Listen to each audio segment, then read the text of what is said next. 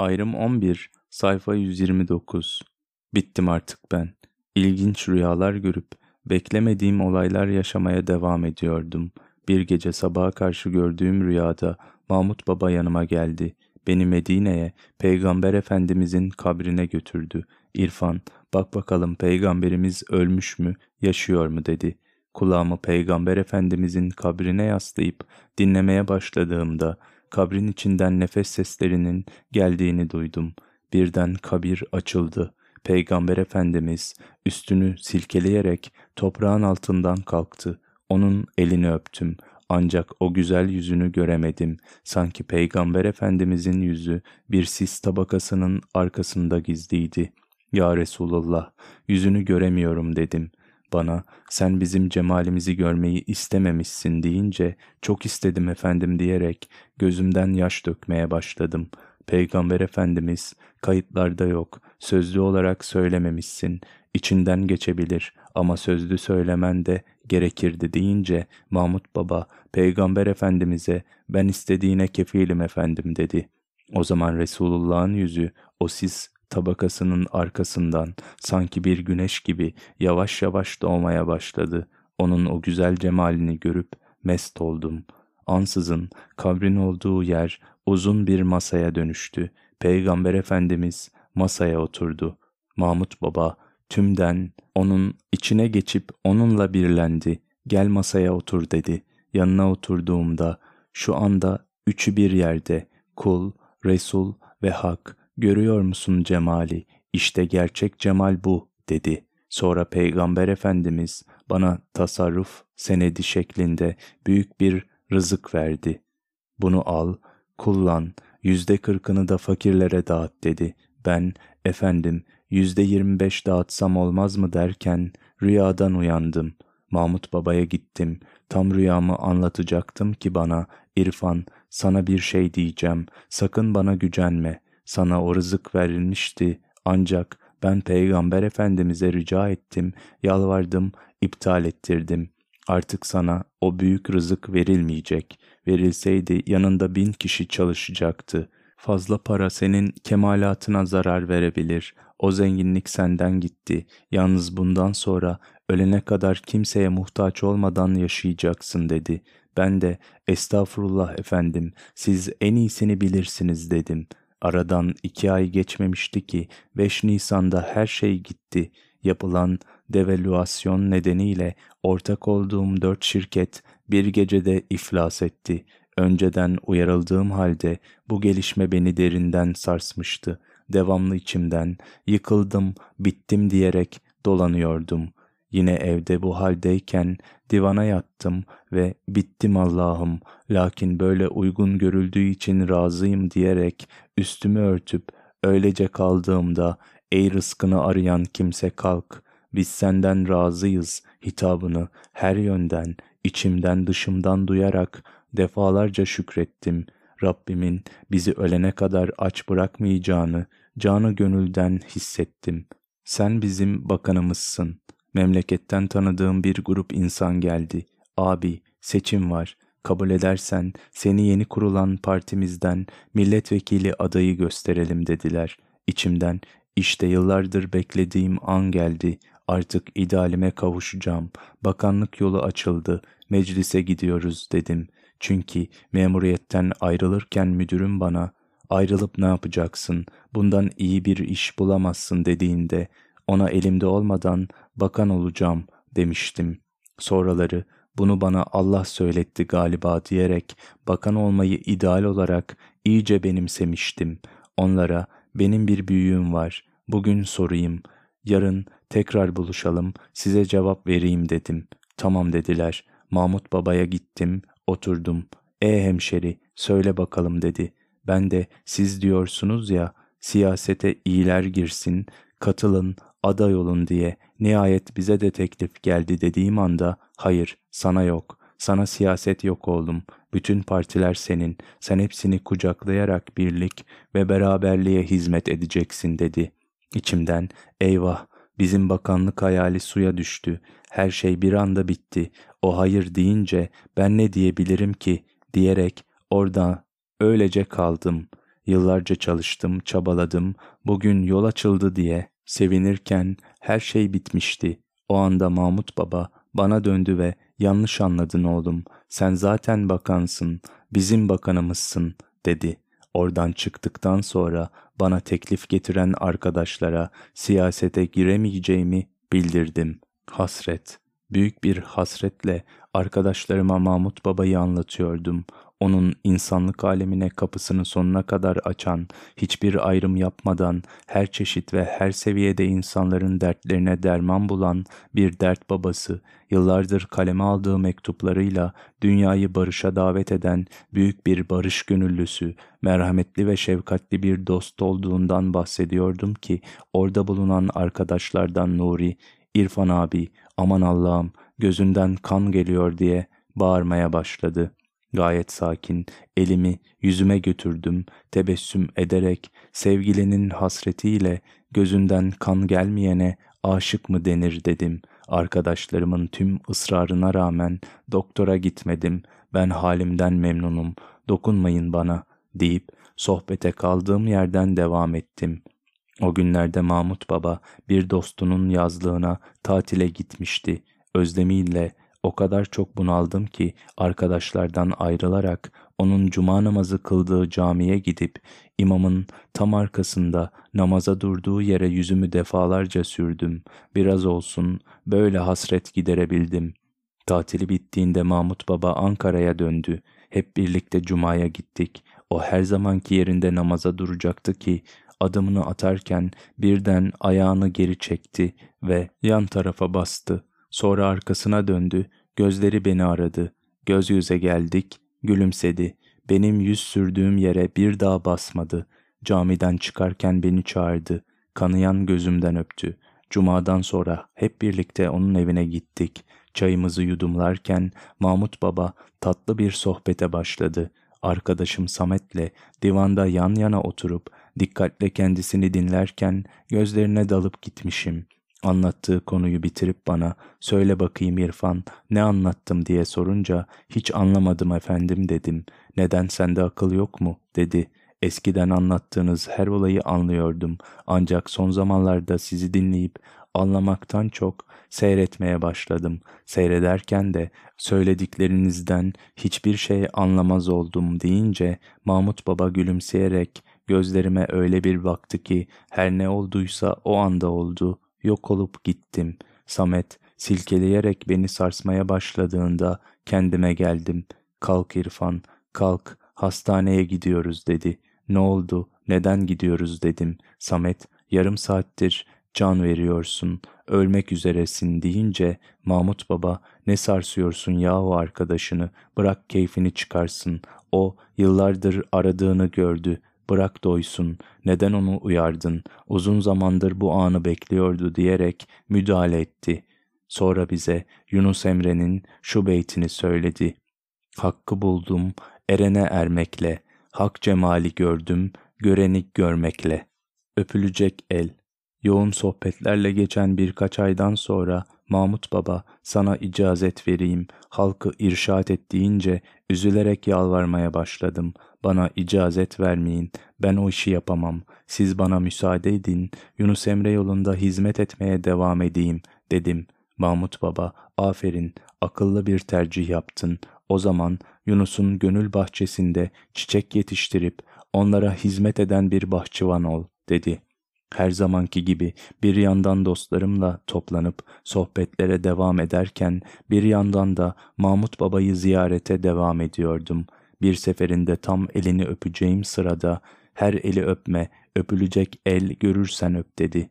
Söylenen bu büyük sözün hikmetini anlamaya çalışarak peki efendim dedim. Öpülecek eli nasıl tanıyacağımı düşünerek ona gittiğim bir başka ziyaretimde salonda yalnız biri oturuyordu. O şahsa hal hatır sormak istedim. Fakat nasıl soracağımı bilemedim. İçimden siz ne işle iştigal ediyorsunuz demek geldi. Böyle sormak için dalgın bir şekilde kendi başına oturan şahsa eğilmiştim ki aniden benden önce davranıp siz ne işle iştigal ediyorsunuz dedi. Bu benden hızlıymış diye düşünüp elini öpmek istedim ancak elini vermedi. Sonra içerden Mahmut Baba geldi. İrfan, bu el öpülecek eldir. Anladın mı dedi. Ben de evet deyip tekrar elini öpmek istedim fakat yine elini vermedi.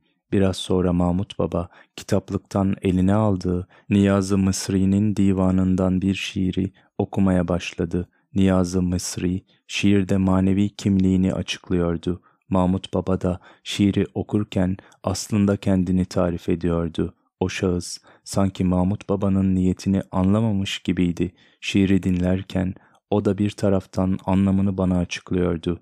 Mahmut Baba birden ona dinle sana söylüyorum ne dediğimi anlamaya çalışsana dedi. Yine açıklamaya devam edince Mahmut Baba al bu kitabı sen oku deyip kitabı ona verdi. O da kitabı eline aldı. Sayfaya baktı, baktı. Okuyamıyorum, okumayı unuttum dedi. Mahmut Baba öyleyse dinlemeyi bil diyerek tekrar kitabı elinden alıp bir süre daha okudu. Okumayı bitirdikten sonra meclisi salihana gittiğinde oradakilere sor bakayım zahiri abdestimiz olmadığı zaman ani bir davette hemen teyemmüm yapıp gitmenin bir mahsuru var mı diye sorunca o şahıs estağfurullah efendim siz benden daha iyi bilirsiniz dedi. Mahmut Baba bana dönüp yılda bir kere Peygamber Efendimizin başkanlığında salihler toplanır havadan uçarak peygamberin bulunduğu meydana inerler diye anlattığında o şahsın da Mahmut Baba gibi o toplantıya katılanlardan biri olduğunu anladım. O yine anlatıyordu.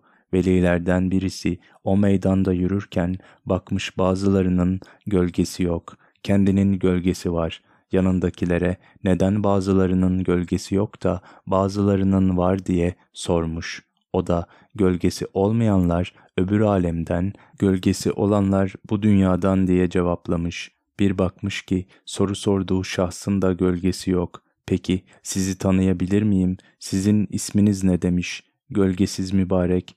Beni siz Muhittin Arabi diye tanırsınız demiş. Sohbet bittikten sonra o şahıs izin isteyerek ayrıldı. Mahmut Baba bana, görüyor musun yavrum, bizim size verdiğimiz irfan ne kadar çok, meclisi salihana giden, böyle bir ehli tevhid insan biraz önce okuduğum şiirden ne kastettiğimi anlamadı. Sen anladın, sahip olduğunuz irfanın değerini, kıymetini bilin dedi. Akşam arkadaşlarla bir araya gelince bu olayı anlattım. Bir hafta sonra tekrar Mahmut Baba'ya gittiğimde kapıdan girer girmez meclisi salihana giden o şahısla göz göze geldim.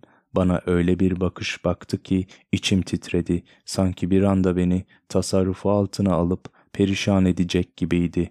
Mahmut Baba bu durumu fark ederek hemen beni oturduğu divanda arkasına alıp ondan korumak istedi. Ortam kalabalıklaştı, sohbet başladı. Sohbet sırasında o şahıs bana yiyecekmiş gibi bakıyordu. Sohbetin sakinleştiği bir sırada eline bir kitap aldı, hızla bana uzatarak hiddetle sen oku da görelim dedi. Kitabı aldım, açtım baktım, ben de okumayı unutmuştum, kitabı okuyamadım. Mahmut Baba durumu görünce bana oku, ne duruyorsun dedi. Onun oku demesiyle benim okuma yeteneğim yerine geldi, kitabı okumaya başladım. Tamam yeter dedi, kitabı kapattı ve o şahsa benim yanımda bu hareketi bir daha yapma. Seni öyle fena döverim ki kendine gelemezsin. Bu benim çok sevdiğim bir evladım. Ona bir zarar verirsen seni mahvederim dedi. O şahıs peki efendim diyerek müsaade isteyip ayrıldı. Sonra Mahmut Baba bana dönerek anlat yavrum anlat. Bir dernek aç. Yunus Emre'nin fikrini, kültürünü, düşüncesini anlat. Onu örnek bir insan olarak halkımıza tanıt dedi.'' O günden sonra Yunus Emre Derneği'ni açmak için araştırmalara başladım. O sırada İzmir'den gelen Yunus Emre Vakfı'nın kurucusu Bayram amca ile tanıştım. Bana birlikte hizmet etmeyi teklif edince onu Mahmut Baba'ya götürdüm. Bayram amcanın teklifini içimden geçirirken Mahmut Baba, İrfan, bak bu hazır bir iş. O zaman Ankara'da Yunus Emre Vakfı'nın şubesini açıp ikiniz birlikte hizmete devam edin dedi. Bundan sonra Mahmut Baba'nın şahsında tanımış olduğum Yunus'u anlatmaya başladım. bıkmadan, usanmadan, gece gündüz demeden dinleyen birilerini bulduğumda anlatmaya devam ettim. Sürücü eğitimi Cuma günlerini mümkünse Mahmut Baba ile birlikte camiye giderek geçirirdim. Günlerden yine cumaydı. Boy abdesti alıp yeni elbiseler giydim. İçimden gelen büyük bir heyecanla onun evinin yolunu tuttum. Mahmut Baba cuma namazından önce biraz sohbet etti. Sonra hep beraber camiye gitmek için aşağı indiğimizde bizim arabaya bindi. Heyecan ve mutluluktan ne yapacağımı, arabayı nasıl süreceğimi bilemiyordum. Her ne pahasına olursa olsun onu arabada sarsmadan götürmeliydim. Biraz ilerlemiştik ki önümüze yolu boydan boya kesen bir çukur çıktı. Asfalt kesilip kazılmış, içi mucurla doldurulduğu için çukur kalmıştı. Bütün şoförlük yeteneğimi kullanarak onu sarsmadan çukuru geçmeye çalışırken bana olmadı İrfan, olmadı. Sen daha şoför olamamışsın. Yavrum, gönlün yerde, gözün yolda olursa çukurlara düşmezsin dedi. Onun bu sözlerine karşı çok mahcup oldum. Ne yapacağımı bilemeden arabayı camiye kadar güçlükle sürebildim. Camiden çıkınca Mahmut babayı evine götürdüm. Çay içtik, sohbet dinledik. İş yerine döndüğümde çok üzgündüm. Sürekli içimden onu nasıl sarstım, ne kadar beceriksiz adamım diye kendi kendime söyleniyordum. Bu halim bir hafta devam etti. Sonunda yine cuma günü geldi çattı. Tekrar mahcup olmak istemiyordum. Arabayı gözden uzak bir yere koydum ki Mahmut Baba başkasının arabasına binsin. Sohbet dinlemek için yukarı çıktığımda içerideki herkes sohbetin o güzel atmosferine dalmış dinliyorlardı. Ben de onlara katıldım. Sohbet bitip de cuma namazı için aşağı indiğimizde biri hızla koşup yol kenarında duran arabasının kapısını açarak Mahmut Baba'yı buyur etti. Mahmut Baba etrafına bakındı. Beni görünce İrfan ne oldu? Senin araban nerede? Al getir dedi. Arabayı almak için koşarken içimden kurtuluş yok bu işten, bu şoförlük nasıl bir şeyse öğreneceğiz deyip arabayı getirdim ve hareket ettik. Tam bir hafta önceki çukura gelmiştik ki Allah'ım ben ilk seferimde tüm yeteneklerimi kullanmama rağmen yine de bu çukura düşmekten kurtulamadım. Şimdi sen yardım et ya Rab deyip direksiyona sıkıca yapıştım ve gaza bastım.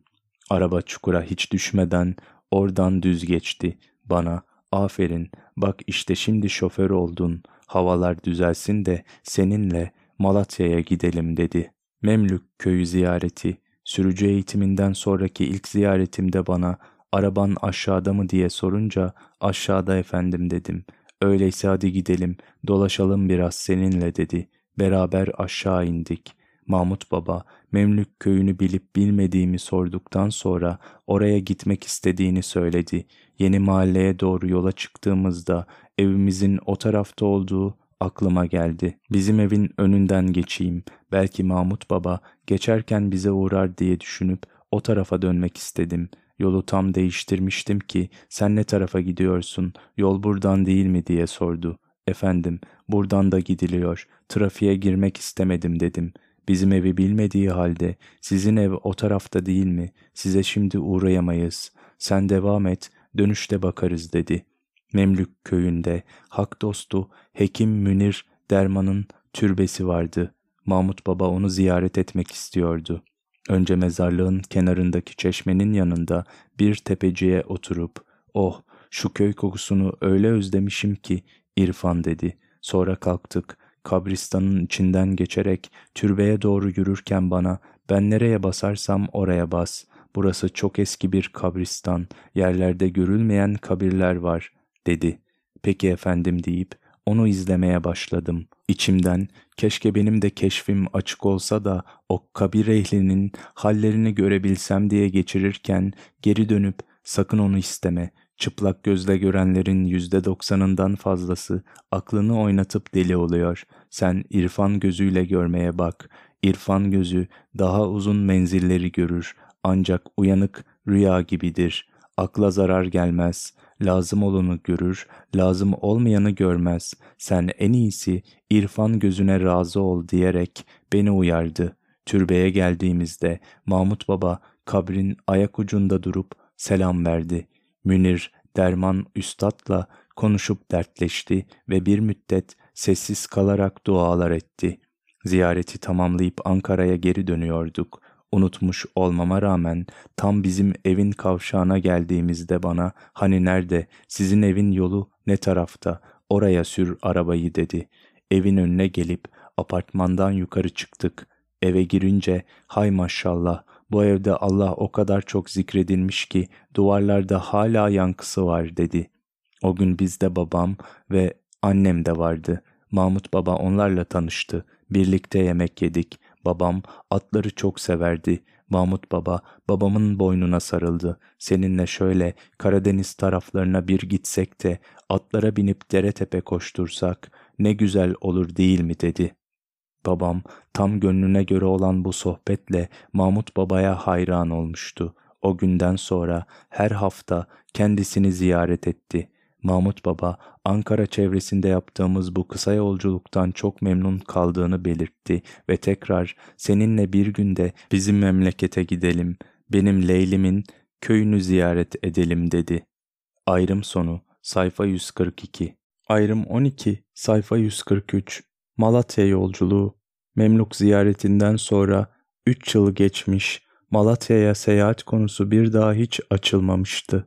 Mahmut Baba çok hastaydı. Hastalığı yolculuğa çıkmasına izin verecek gibi görünmüyordu. Bu yolculuktan tamamen ümidimi kesmiştim. Olsun, yeter ki o iyileşsin diyordum. Bir çarşamba günü evin telefonu çaldı. Hep çocuklar koşardı telefona. Ama o gün ben açtım.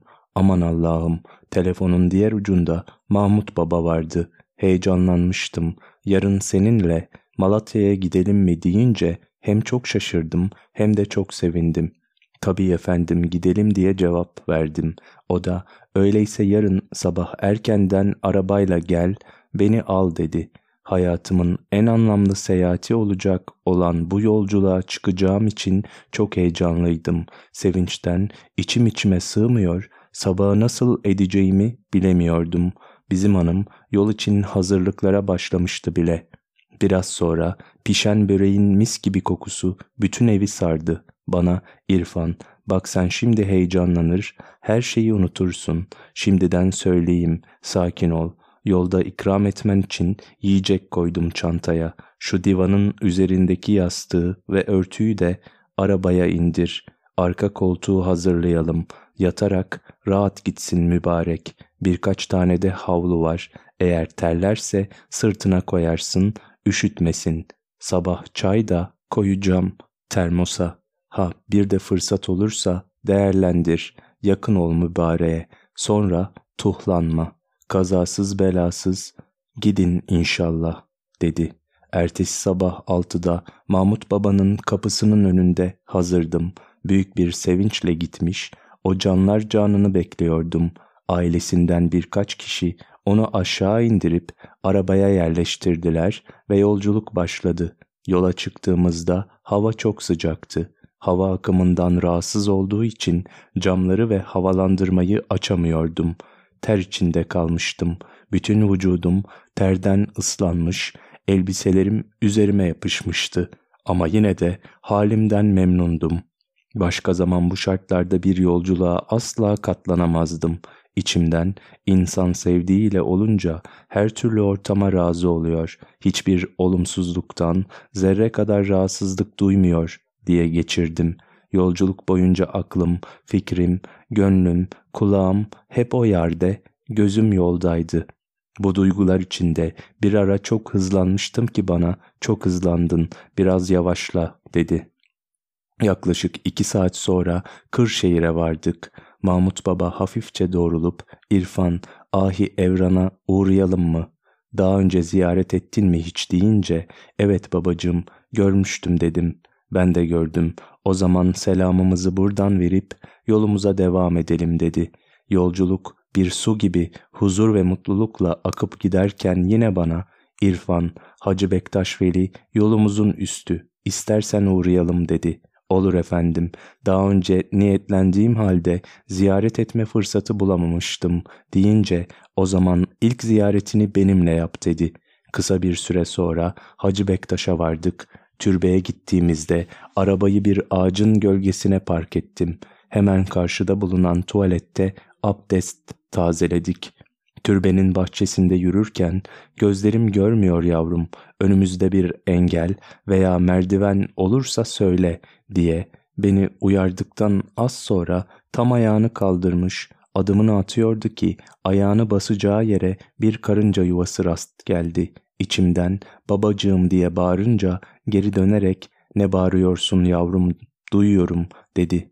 Avluda ilerleyip sağ tarafta gürül gürül akan aslanlı çeşmeye yaklaştık. Mahmut Baba avucuna çeşmeden üç defa su doldurarak bana içirdikten sonra aynı şekilde kendisi de su içerek şifa olsun dedi. Tarifi imkansız bir haz içindeydim. Sanki cennetteki Kevser havuzundan içmiştim. Yürüyüp türbenin kapısından içeri girdik. Sağ tarafta yaşlı bir görevli oturuyordu. Bizi görünce hafifçe doğruldu. Mahmut Baba görevliye yaklaşarak sağ elini kaldırdı, parmaklarını açarak bu kaç diye sordu. Sonra görevliye de elini kaldırmasını işaret ederek beş beş daha on eder deyip onun eline vurdu. Sen on bir, ben on iki dediğinde görevlinin gözlerine bir anda kan oturdu. Hemen Mahmut Baba'nın eline kapandı. Aman Allah'ım, anladım efendim, müsaade edin elinizi öpeyim. Dün gece rüyamda aynı sözleri bana Hacı Bektaş Veli Hazretleri söylemişti dedi. Şahit olduklarıma şükrederek derin duygulara dalmıştım. Mahmut Baba bana dönerek görevliye 50 lira ver deyip arabaya doğru yürüdü. Verdiğim parayı gören görevli yaşadıkları karşısında hayrette kalarak dün gece rüyamda mübarek tam bu kadar para vermişti dedi.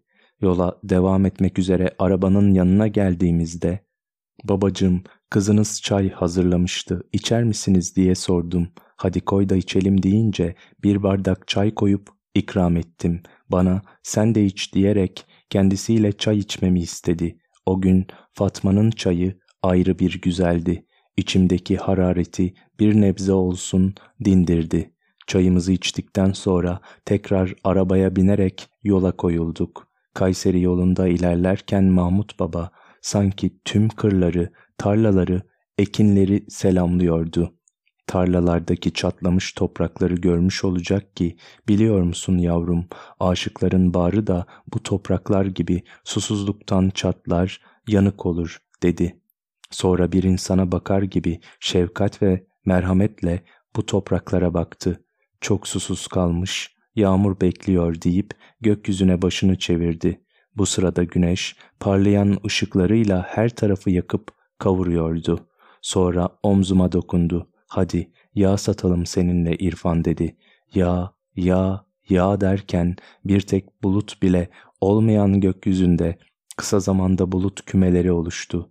Çok geçmeden yağan yağmurla birlikte mis gibi toprak kokusu etrafa yayılmaya başladı. Bu olay bana eskiden dinlemiş olduğum bir hikayeyi hatırlattı. Şehrin birinde kuraklık varmış. Yolu oradan geçen bir mübarek zatı tanıyanlar yağmur yağması için dua istemişler. Mübarek de onlardan yağ istemiş. Biraz yağ satayım diyerek sokaklarda yağ, yağ diye bağırmaya başlamış. Çok geçmeden yağmur yağmış yağmasına ama bir türlü durmak bilmiyormuş. Hemen o hak dostunun etrafında toplanıp böyle devam ederse mahvoluruz. Artık dinsin demişler. O da bu sefer ceviz istemiş. Sokağa çıkıp yağma, yağma diyerek tüm cevizleri etrafa saçmış. Hay mübarekler, Allah hiç sevgili kullarını kırar mı diye düşünüyordum ki levha Kayseri'yi gösterdi. Şehir merkezine girdik. Önce Doktor Kamuran Bey'i bulduk. Onu da yanımıza alarak Seyit Burhanettin Hazretlerinin türbesini ziyaret ettik. Yolumuza devam etmek için arabaya yönelmiştik ki orta boylu genç birisi koşarak yanımıza geldi.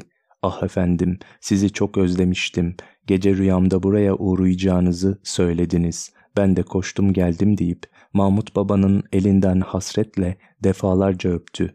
Mahmut Baba bu şahsın zaman zaman Ankara'ya kendisini ziyarete geldiğini söyleyip bizi tanıştırdı. Biraz sohbet ettik, sonra vedalaşıp yola çıktık. Öğle namazını Gürün'de kıldık. Mahmut Baba'nın sırtına havlu koyup yemek yedikten sonra tekrar yola devam ettik. Darende'ye vardığımızda Somuncu Baba türbesini ziyaret etmek istedik. Ancak kabrin bulunduğu bölüm kapalıydı. O sırada duvarın üstüne oturmuş, avuç avuç kum yiyen, orta yaşlı bir hanım gözüme takıldı. Bana abi beni gör deyince hemen elimi cebime attım. Mahmut Baba elimi tutarak ne yapsın parayı bu gariban, görmüyor musun kum yiyor yavrum, sana beni görmeden geçme diyor, o buranın evliyası dedi. Türbenin önündeki mezarlığa yöneldiğimizde Mahmut Baba benden Hulusi Baba'nın kabrini bulmamı istedi. Uzun süre aramama rağmen bir türlü kabri bulamadım. Mahmut Baba ellerini açıp dua etmeye başladığında aramayı bırakarak ben de duaya katıldım. Gözüm onun önünde durarak dua ettiği kabre takılınca hafifçe gülümsedim. Bu Hulusi Baba'nın kabriydi. Nasıl görmemişim. Kabri bulacağım diye dört dönmüştüm mezarlığı. Sonra aklıma kum yiyen hanım geldi. Dönüşte onu tekrar görmek istedim. Ama yerinde yoktu. Ziyaretimizi tamamlayıp yola çıktık. Virajlar başlamıştı. Bir ara içimden buraya kadar iyi geldik. Ben de fena şoför değilmişim diye geçiriyordum ki vitese bir şey oldu. Vites geçmiyordu. Arabanın hızını düşürüp kenarda durdum. Mahmut Baba arkadan ne oldu oğlum bir problem mi var diye seslendi. Ben de babacığım vitesleri karıştırdım diye cevap verdim. Ne yapacaksın peki diye sordu. Ben de durup yeniden başlayacağım deyince aferin iyi bir yöntem bulmuşsun bir daha karıştırma dedi. Sonunda virajlar bitmişti. Araba düz ovada ilerlerken bağları bahçeleriyle uzaktan Malatya göründü. Mahmut Baba, üstadının torununun evine inip kendine ayrılan odaya yerleşti. Sırtındaki havluyu değiştirirken atletimi biraz kaldır, sırtım hava alsın dedi. Dediğini yaptığımda iki kürek kemiğinin arasında güvercin yumurtası büyüklüğünde peygamber mührüne benzer bir şekil gördüm ve birkaç defa öptüm. Bana hadi yavrum üşütme beni dedi. Ardından gece burada kalma kız kardeşinin evine git orada kal diye ilave etti. Kız kardeşimin Malatya'da yaşadığını bilmiyordu. Evet kız kardeşim Malatya'da yaşıyordu. Ancak aklım fikrim Mahmut Baba'da olduğu için ben de bunu tamamen unutmuştum. Yanıma bir arkadaş vererek beni kız kardeşimin evine gönderdi. Bu beklenmedik ziyaretten kardeşim, eşi ve çocukları çok mutlu oldular. Geceyi onların evinde geçirip sabah erkenden Mahmut Baba'nın yanında hazır bulundum.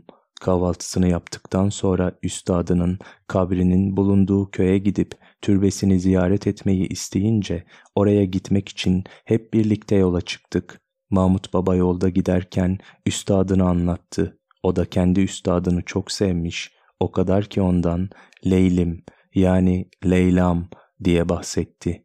Anlattıkları bizi çok duygulandırdı. İkindi ezanına bir saat kala köye vardık. Namazı camide kılmak istedi. Caminin kapısında karşılaştığı imama ezandan önce sala vermesini söyleyerek öyle bir oku ki dağ taş ağlasın dedi. Salayı dinledikçe gözümden dökülen yaşlara engel olamıyordum. İçim yanıyordu. Sonra namaza durduk. Selam verdikten sonra elini omzuma atıp Sala dokundu mu yavrum deyince çok dokundu efendim dedim. Bana da çok dokundu. Sanki yavrularımdan birini kaybettim dedi. Gözünden birkaç damla yaş aktı. Cemaatle selamlaşarak eve doğru yürürken arkadan biri bana yaklaştı. Abicim, şimdi Ankara'dan haber geldi. Mimar Abdurrahim Bey vefat etmiş. Cenazesini ikindi namazından sonra kaldırmışlar. Mahmut Baba'ya söyleme, çok üzülür deyince içim sızladı. Ah, demek Sala onun içinmiş diyebildim. Mahmut Baba Malatya'dan Ankara'ya uçakla dönerken ben de Halil abimizle birlikte arabayla döndüm.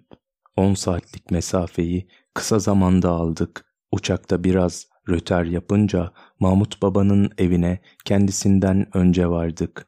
Gönlümden Rabbimin bize verdiği lütufları geçirirken Mahmut Baba kapıdan içeri girdi ve doğrudan bana siz nasıl böyle çabuk geldiniz yavrum maşallah yolları mı katladınız dedi. 8. Bölüm Hac ve Umre Hac Mekke yolculuğu Mahmut Baba yavrum İrfan artık senin de hacca gitme zamanın geldi. Hazırlık yapsan iyi olur dedikten sonra haçla ilgili bir anısını anlattı. Kabe'de tavaf etmek üzere tavaf alanına girmiştim. Baktım birisi Kabe'ye doğru bir sütuna ayaklarını dayamış, sırt üstü yatıyor. Gidip şu adamı ikaz edeyim. Burası neresi? Allah'ın evine karşı böyle saygısız yatılır mı diyeyim düşüncesiyle yanına vardım. Tam onu uyaracağım anda tavaf alanından bize doğru gelen çok etkileyici biri dikkatimi çekti ve ister istemez onu izlemeye başladım. Bu şahıs Kabe'ye doğru ayaklarını uzatıp yatan kimseye hürmetle selam verdikten sonra yanımdan geçip gitti. Merakla yerde yatan şahsa o giden kim dedim.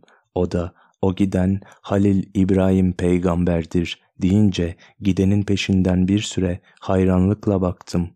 O gözden kaybolunca yatana ya siz kimsiniz diye sormak için döndüğümde yerinde yoktu. Aman yavrum sakın Allah'ın evinde kimsenin yatmasına, kalkmasına karışmayın. Siz ibadetlerinizi yapmaya bakın dedi. Mahmut Baba'nın bu uyarısından sonra eşim ve annemle 1992 yılında hacca müracaat ettik. O sene haç mevsimi yaz ayına denk gelmişti. Temmuz ayında Mekke'ye giden 100 kişilik bir grupla uçağa bindik. Mekke'ye indiğimizde hacıların konakladığı bir apartmana yerleştik. Bu apartmanda bay ve bayan daireleri ayrı ayrıydı. Yere serdiğimiz uyku tulumuna benzer yorganların içine girip yatıyorduk. Her odada çok gürültülü çalışan bir de klima vardı. İlk gün sıcaktan bunalan arkadaşlar bu klimaları olabildiğince açmış, bazıları daha işin başında üşütüp hastalanmıştı. Odalarımıza yerleşip biraz dinlendikten sonra 50 dereceye varan sıcakta ellerimizde şemsiyeler yürüyerek 2 saatte Kabe'ye gidip çok zor şartlarda tavaf ve saylarımızı tamamlayarak ilk umremizi yaptık.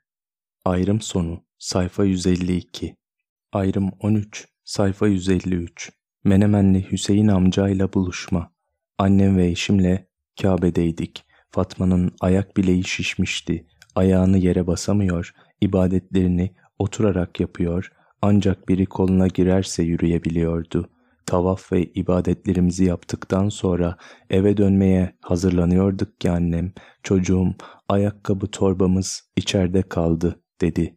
Bu durum pek hoşuma gitmedi. Onları Kabe'nin dış avlusunda kolayca bulabileceğim bir yere bırakıp ayakkabı torbasını almak için geri döndüm.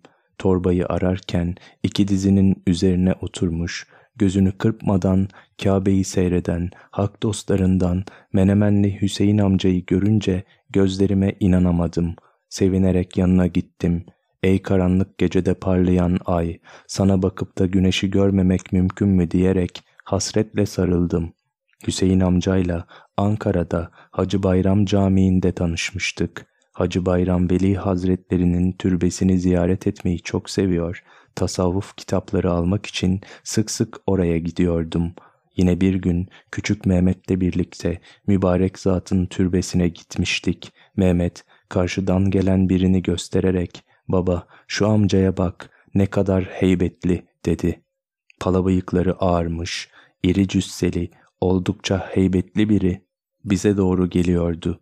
Yanımıza gelince bu çocuğu buralarda dolaştırma, madeni çok hassas, zarar görür. Bana menemenli Hüseyin derler. Sözümü dinle yoksa çocuğa yazık olur, üzülürsün dedi. Belli ki o muhteşem heybetin altında şefkatli bir yürek vardı. Onun hak dostlarından biri olduğunu hissettim. Tanıştıktan kısa bir süre sonra dost olduk. Kabe'de ayakkabı torbasını bulamamıştım ama binlerce kişinin arasında çok sevdiğim bir dostumu bulmuştum. Hüseyin amcaya Annemleri alıp buraya getireyim. Sizi görünce çok sevinecekler dedim. Fatmaların yanına geldiğimde sürpriz olsun diye Hüseyin amcadan hiç bahsetmedim. Ayakkabılarınızı bulamadım. Gelin kendiniz bulun dedim. Onları Hüseyin amcanın olduğu yere getirdim. Fatma beklemediği bir anda Hüseyin amcayı karşısında görünce duygulanıp ağlamaya başladı. Oracıkta o güzel insanın yanına oturduğumuzda Hüseyin amca güle kırmızı diyorlar. Bilmezler mi gül nereden almış bu rengi? Kırmızı güneşin sıfatıdır. Gül de tecelli etmiş besbelli dedikten sonra gülümseyerek hal hatır sorup sonra şunları anlatmaya başladı. Mekke'deki Kabe'nin anlamı başka, Medine'deki Ravza'nın anlamı başka. Aşık, kıblegahım senin nurundur diyor. Çok ince konular bunlar. Allah nurunu nerede görürsen o nura secde edeceksin. Kabe'ye dönüp Kabe'ye değil, Kabe'nin sahibinin nuruna secde edeceksin. Ne mutlu o nuru görene. Yüzümüzü Kabe'nin duvarına sürünce buradaki görevliler o taş duvara gönül verdiğimizi zannederek bizi uzaklaştırıyorlar. Kabe'nin duvarına biz Hakk'a erişemediğimiz için yüz sürüyoruz. Yoksa Kabe'ye tapmak için değil. Kabe'nin duvarına yapışanları gördüm. Ya çok günahkar olanlar yapışıyor ya da çok aşık olanlar. İkisi de aynı halde. Birbirinden ayıramazsın onları. Hangileri günahkar, hangileri aşık. Anlamıyorlar ki biz evi değil, ev sahibini ziyaret ediyoruz. Kabe'nin sahibi bizden gönül istiyor. Kabe'de ona gönül verelim. Hüseyin amca bu sohbeti yaparken bir ara annem ayakkabıları aramak için kalktı. Bulamayıp geri gelince Hüseyin amca acele etmeyin bulursunuz. Gelin biraz daha sohbet edelim dedi. Biraz daha oturduktan sonra bu sefer Fatma ayakkabıları bulmak için kalktığında Hüseyin amca onun ayağının birinin yere rahat basamadığını fark etti. Sana ne oldu böyle diye sorduğunda Fatma ayak bileğim şişmiş üstüne basamıyorum diye cevap verince Hüseyin amca kalk bre Fadime hadi yürü bakalım bir şeyin kalmaz dedi. O anda Fatma'nın ayağı düzeldi ve yürümeye başladı. Ayağındaki şişlik bir anda geçmişti. Böylece Allah aşığı Hüseyin amcanın duasıyla şifa bulduğuna yakından şahit oldum. Hüseyin amca sohbete devam etti. Tüm kainat aşkla yaratıldı. Aşkla dönüyor tüm varlıklar, aşkla evleniyor insanlar, aşkla akıyor sular, aşkla coşuyor denizler, aşkla kabarıyor dalgalar. Hayat aşkla sürüyor, aşkla ötüyor kuşlar, aşkla doğar güzel duygular, aşkla yeşerir ağaçlar, aşkla açar rengarenk çiçekler. Önceleri sever, aşık olursun, sonra sevilir, maşuk olursun, sonunda aşk olup her sevenle sevilende kendini bulursun. Aşkın gözyaşı gönlüne damlar, gönül bahçende birbirinden güzel çiçekler açar. Bu dünyada birinci doğuşu yaptın, ikinci doğuşunu da gerçekleştir. Birinci doğum fiziki doğum, ikinci doğum hakikat doğumudur. Bu manevi doğuşun ancak bir erin gönlünden olur. Doğum gibi ölüm de iki defa yaşanır. Birinci ölüm manevi ölümdür. Ölmeden önce ölmektir. Bu ölüm fiziki ölümden önce gerçekleşir. Fiziki ölümde ruhu Azrail çıkarır. Manevi ölümde ise ruhu cezbesiyle hak dostu çeker, alır. Sonra yine geri salar.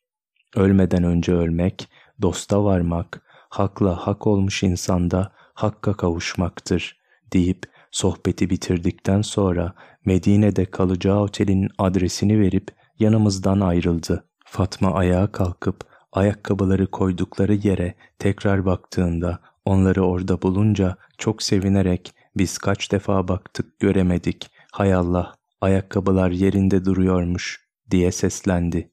Arafat'a çıkıyoruz. Haç görevi için Arafat'a çıkmaya daha birkaç gün vardı. Artık çok sıcak olduğu için gündüzleri Kabe'ye gidemiyor, evde ibadetlerimize devam ediyorduk. Akşam hava serinleyip sıcaklık 40 dereceye düştüğünde Kabe'ye giderek tavaf yapıp nafile namazlarını kıldıktan sonra ibadet olduğu için Kabe'yi seyrediyorduk. Hacerül Esved taşını öpmeye çalışan insanları gördüğümde Peygamber Efendimizin Hacerül Esved taşı Allah'ın kullarına uzanan sağ eli anlamındadır dediğini hatırladım ve ben de öpmek istedim. Ama bu çok zordu. O mücadelenin içine girmeyi göze alamadım. Çünkü halen belimdeki rahatsızlık devam ediyordu.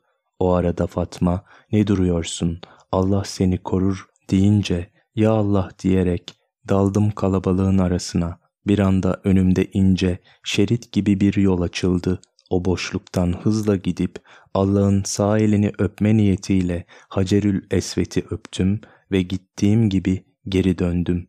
Caner ve Salim'le birlikte yüz kişilik kafiledeki insanların haç görevlerini kolayca yapabilmesi için Diyanet görevlilerine yardım ediyorduk. Hacılar bu güç şartlarda görevlerini kazasız belasız yerine getirsinler diye her türlü tedbiri alıyorduk. Buna rağmen bir arkadaşın 35 yaşındaki hanımı sıcaktan olumsuz etkilendiği için düşerek başını yere vurdu ve ruhunu oracıkta teslim etti. İnsanlar hasta olmasın diye odalardaki klimaları ayarlamış, Kabe'ye gidiş gelişleri kolaylaştırmak için dolmuşçularla anlaşmıştık. Mekke o kadar sıcaktı ki güneş altında yarım saat şemsiyesiz yürüyen insanların ölmesi an meselesiydi.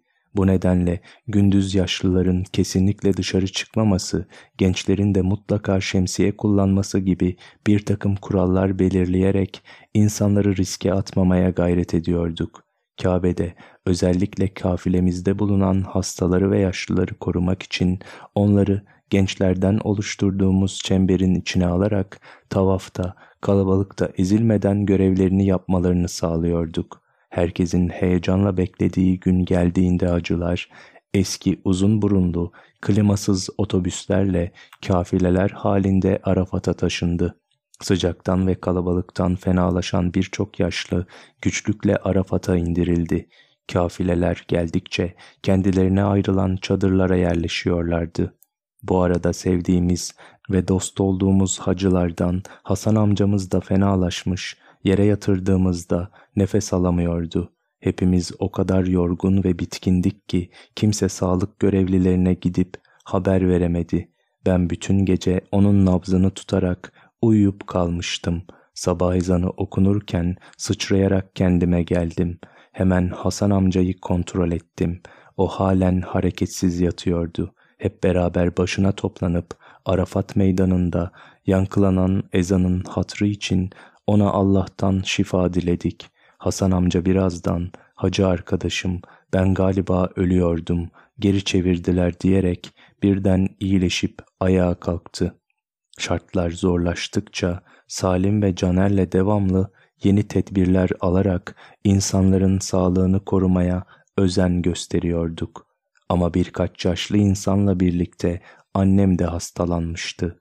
Yine de Arafat'ta vakfeye durdular. Arafat vakfesinde Allah ıslatmayan bir yağmurla rahmetini gökyüzünden indirerek gönülleri yıkadığı anda nurlu güzel yüzlü bir insan yanıma gelerek bu yağmur neden bizi ıslatmıyor diye sordu.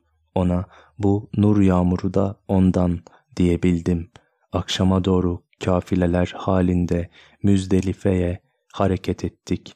Geceyi çıktığımız dağda taş toprak arasında karanlık içinde geçirdik. Kafile sabah namazından sonra şeytan taşlamak için Mina'ya hareket ettiğinde insanlar sanki mahşer yerine doğru yürüyordu. Annem çok hastaydı.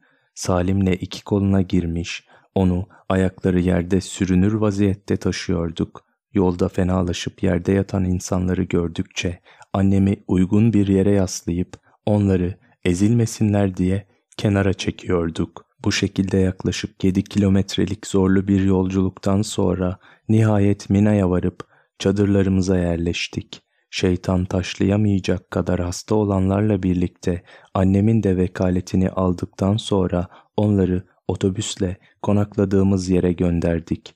Bu çok yoğun uğraşının sonunda ben de ayağa kalkamayacak kadar hastalanmıştım.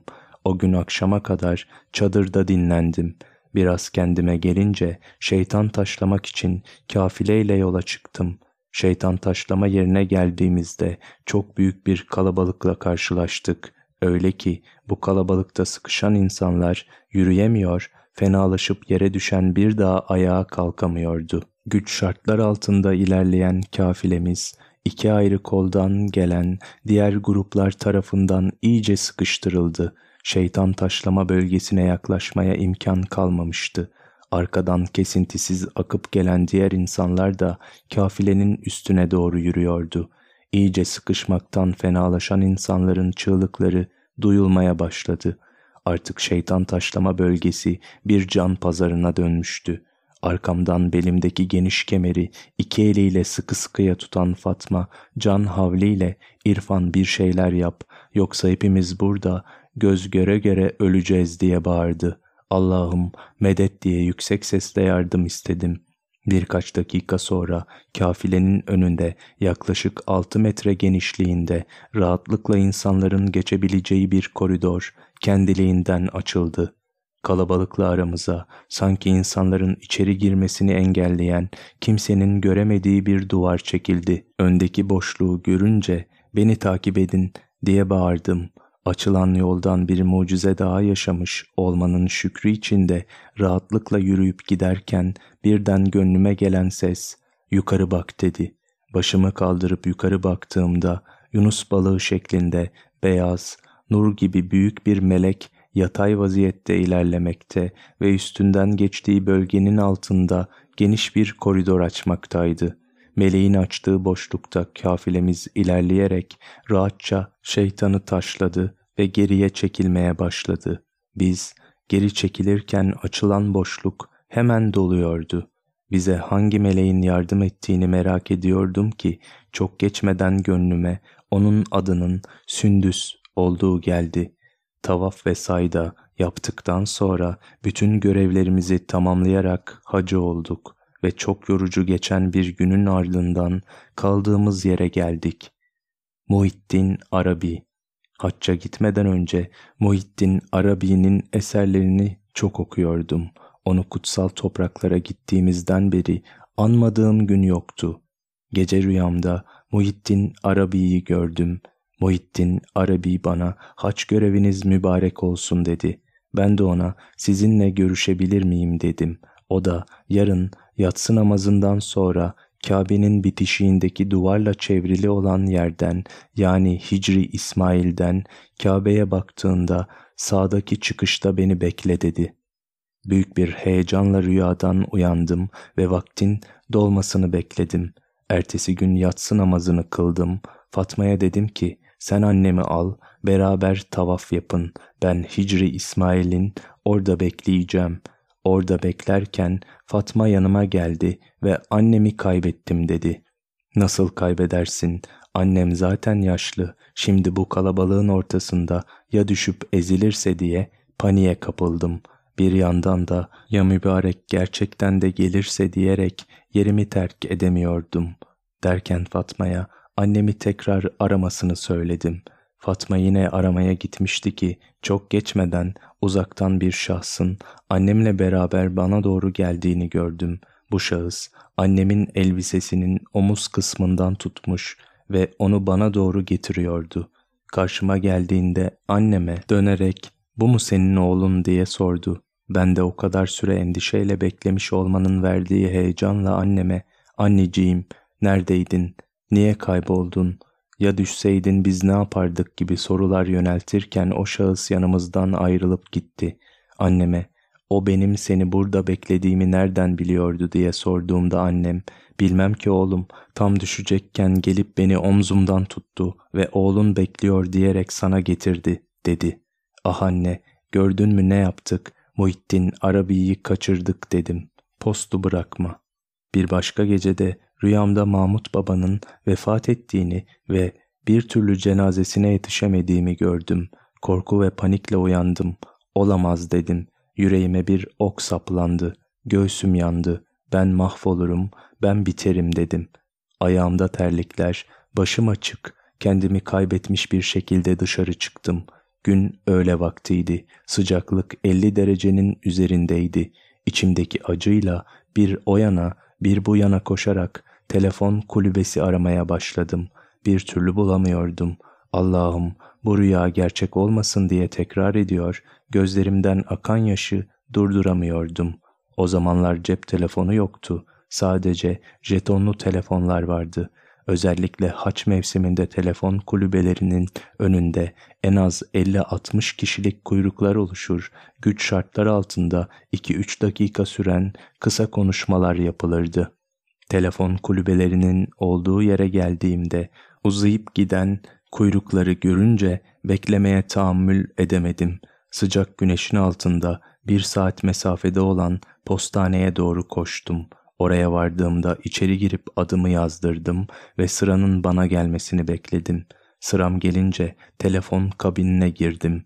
Ellerim titriyordu. Verdiğim numara bağlanır bağlanmaz Mahmut Baba oldukça sert bir ifadeyle sen ne yapıyorsun? Postu bırakma orada. Öleceksin. Ben değil sen ölüyorsun sen. Sağ salim gel. Oralarda kalma. Sen bize lazımsın diye bağırdı. Mahmut Baba'nın sesini duyunca dünyalar benim olmuştu. Sevinçten ağlamaya başladım. Sonra telefonu Ayşe anneye verdim. O da yavrum orada neler oluyor? Mahmut Baba bir saattir evin içinde devamlı bir sağa bir sola giderek ne yapıyor bu İrfan, ölecek orada, niye böyle yola çıktı? diye söylendi. Kendine dikkat et evladım, biz seni sağlıkla bekliyoruz. deyince ben de ah ölmemiş, şükürler olsun Allah'ıma, rüyamda Mahmut babanın öldüğünü söylediler, ciğerim yandı Ayşe anne, kendimi kaybetmişim, saatlerdir sıcağın altında telefon kulübesi arıyorum. dedim. Aldığım bu haberin sevinciyle şükürler ettim. Bu sefer mutluluktan gözümden yaşlar akmaya başladı. Postanenin dışına çıkınca aklım başıma geldi. Eyvah, başı açık yola çıkmışım. Ne şemsiye ne de başımı örtecek bir şey almışım. Şimdi nasıl döneceğim diyordum ki kapının önünde son model güzel bir araba durdu ve sürücüsü hacı gel diye bana işaret etti. Bu Rabbimin bir lütfuydu. Kolayca kaldığımız yere dönmüş oldum. Ayrım sonu sayfa 164